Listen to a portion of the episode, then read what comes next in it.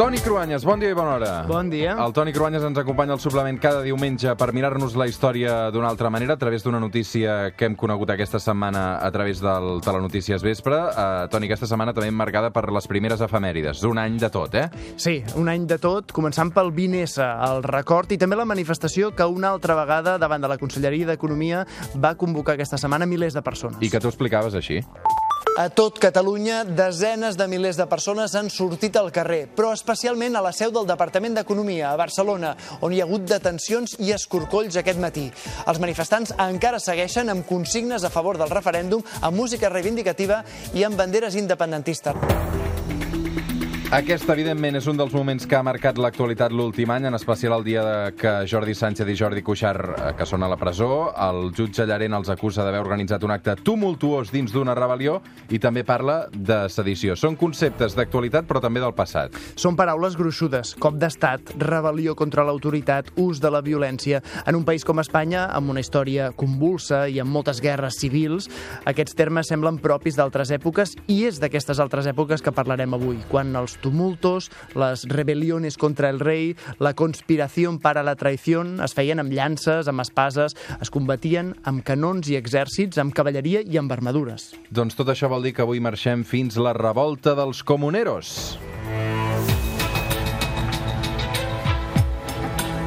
A l'any 1519, a l'imperi castellà no s'hi ponia el sol. El moment en què el somni imperial dels reis catòlics es va complir en la seva màxima plenitud va ser quan va accedir al tron el seu net, Carles. A més de rei de Castella, Aragó, Nàpols i de les conquestes d'Amèrica, aquell 1519 va ser elegit emperador del Sacre Imperi Romano-Germànic.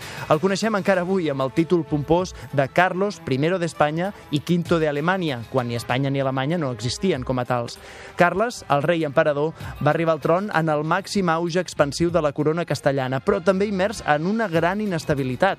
Des de la mort de la reina Isabel la Catòlica, el 1504, es van succeir en el tron Felip el Vell, el cardenal Cisneros i el mateix Ferran d'Aragó, el vidu de la reina Isabel. La teòrica hereva Joana la Boja, estava incapacitada i va ser el seu fill, Carles d'Habsburg, qui va acabar posant-se la corona, tot i que no havia trepitjat mai Castella. Educat a Flandes, no parlava el castellà i no tenia ni idea de quines eren les seves possessions. A més, per desconfiança amb la noblesa castellana, va anomenar estrangers en càrrecs de gran poder i significat.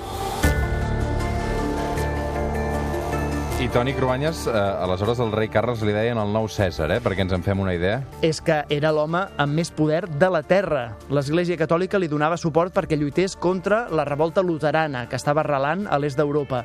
L'or i la plata arribaven a cabassos de l'explotació d'Amèrica, el comerç internacional i els impostos dels seus propis súbdits de mitja Europa. Però governar un entramat tan complicat d'institucions amb drets diferents, nacions amb identitat i llengües diverses, seria una feina gairebé impossible. I el primer lloc d'on li van arribar els problemes va ser, justament, de Castella. Al camp castellà hi havia crisi des de feia anys, males collites, fam, mortaldat... Per exemple, l'arribada de productes tèxtils gràcies a les noves rutes obertes amb Amèrica i les Índies van fer que baixés molt el preu de la llana. Un exemple, eh? Per tant, hem d'entendre que no volien a Carles perquè el sentien com un rei d'alguna manera imposat, no?, de fora de Castella, i a més els castellans creien que pagaven massa impostos. Tot això també eh, recorda altres coses, no? Eh, I a més, és que potser és, és veritat, però no és tant la quantitat d'impostos que pagaven aleshores. Els molestava que els seus diners anessin a parar als projectes personals i de dinastia mm -hmm. del rei emperador, no a la comunitat, al bé comú de Castella. Per això el nom dels comuneros, que el 1520 van elaborar un sistema de govern local i regional que buscava compensar el poder arbitrari del rei. Llegim fins i tot en una petició que li van fer al rei dels, de, per part dels comuneros a Toledo, que diu literalment no es razón su cesárea majestad gaste las rentas de estos reinos en las de otros señoríos que tiene. Vuestra majestad ha de gobernar cada tierra con el dinero que de ella recibe. 1521 y en abril para más señas en justicia en quienes Per tant, els pobles de Castell, Toni, que se sentien amenaçats, eh? Sí, amenaçats pel rei. Per això van sorgir els motins, revoltes violentes que van provocar disturbis i agitació generalitzada a tot Castella a partir de juny del 1520. Els representants dels camperols i els habitants de les ciutats decideixen desobeir les ordres reials. S'autoorganitzen, creen el seu propi sistema polític, es neguen a pagar els impostos a les Corts. S'alça un moviment que pren la nova forma del govern local, la comunitat. En el vocabulari de l'època, comunero és el contrari de cavaller, però la veritat és que una part de la noblesa local també estava en contra del rei emperador. Per això, la conxorxa va agafar molta volada. És a dir, que per unes setmanes va arribar a semblar que podia estar en perill l'estatus quo de Castella. Aleshores, la cort de Carles va reaccionar i va començar a enviar l'exèrcit reial, sobretot va pactar acords econòmics i de propietats amb la noblesa local i és així com es va arribar al punt final de la revolta a la batalla de Villalar, que els comuneros van perdre. I una batalla, per tant, sagnant, conseqüències per als perdedors que van ser terribles. Va ser el 23 d'abril de 1521. Malgrat que els comuneros que s'estaven replegant a la ciutat de Toro eren més, uns 6.000 homes, les tropes lleials al rei emperador comptaven amb una infanteria de 3.000 homes, 600 llancers, dos esquadres de canons...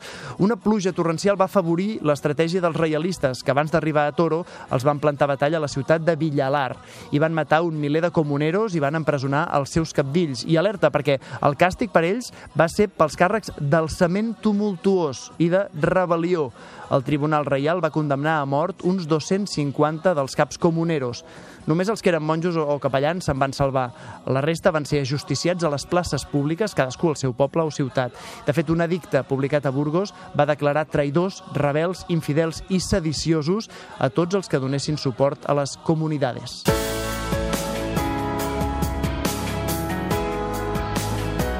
Per tant, Toni, el 23 d'abril, que és el dia oficial de la comunitat de Castella i Lleó, i, per tant, ells també commemoren una derrota en la seva diada. Sí, però la dels comuneros sí que va ser una rebel·lió amb violència en termes històrics, amb alçament tumultuari i sedició. Va ser fa 500 anys. No crec que la història en cap cas ho consideri així del que va passar a Catalunya el 20 de setembre o l'1 d'octubre de 2017. Veurem què en diuen els jutges d'aquí uns mesos, com reaccionen els ciutadans de Catalunya quan hi hagi una sentència, però sobretot què hi diuen els historiadors d'aquí uns anys.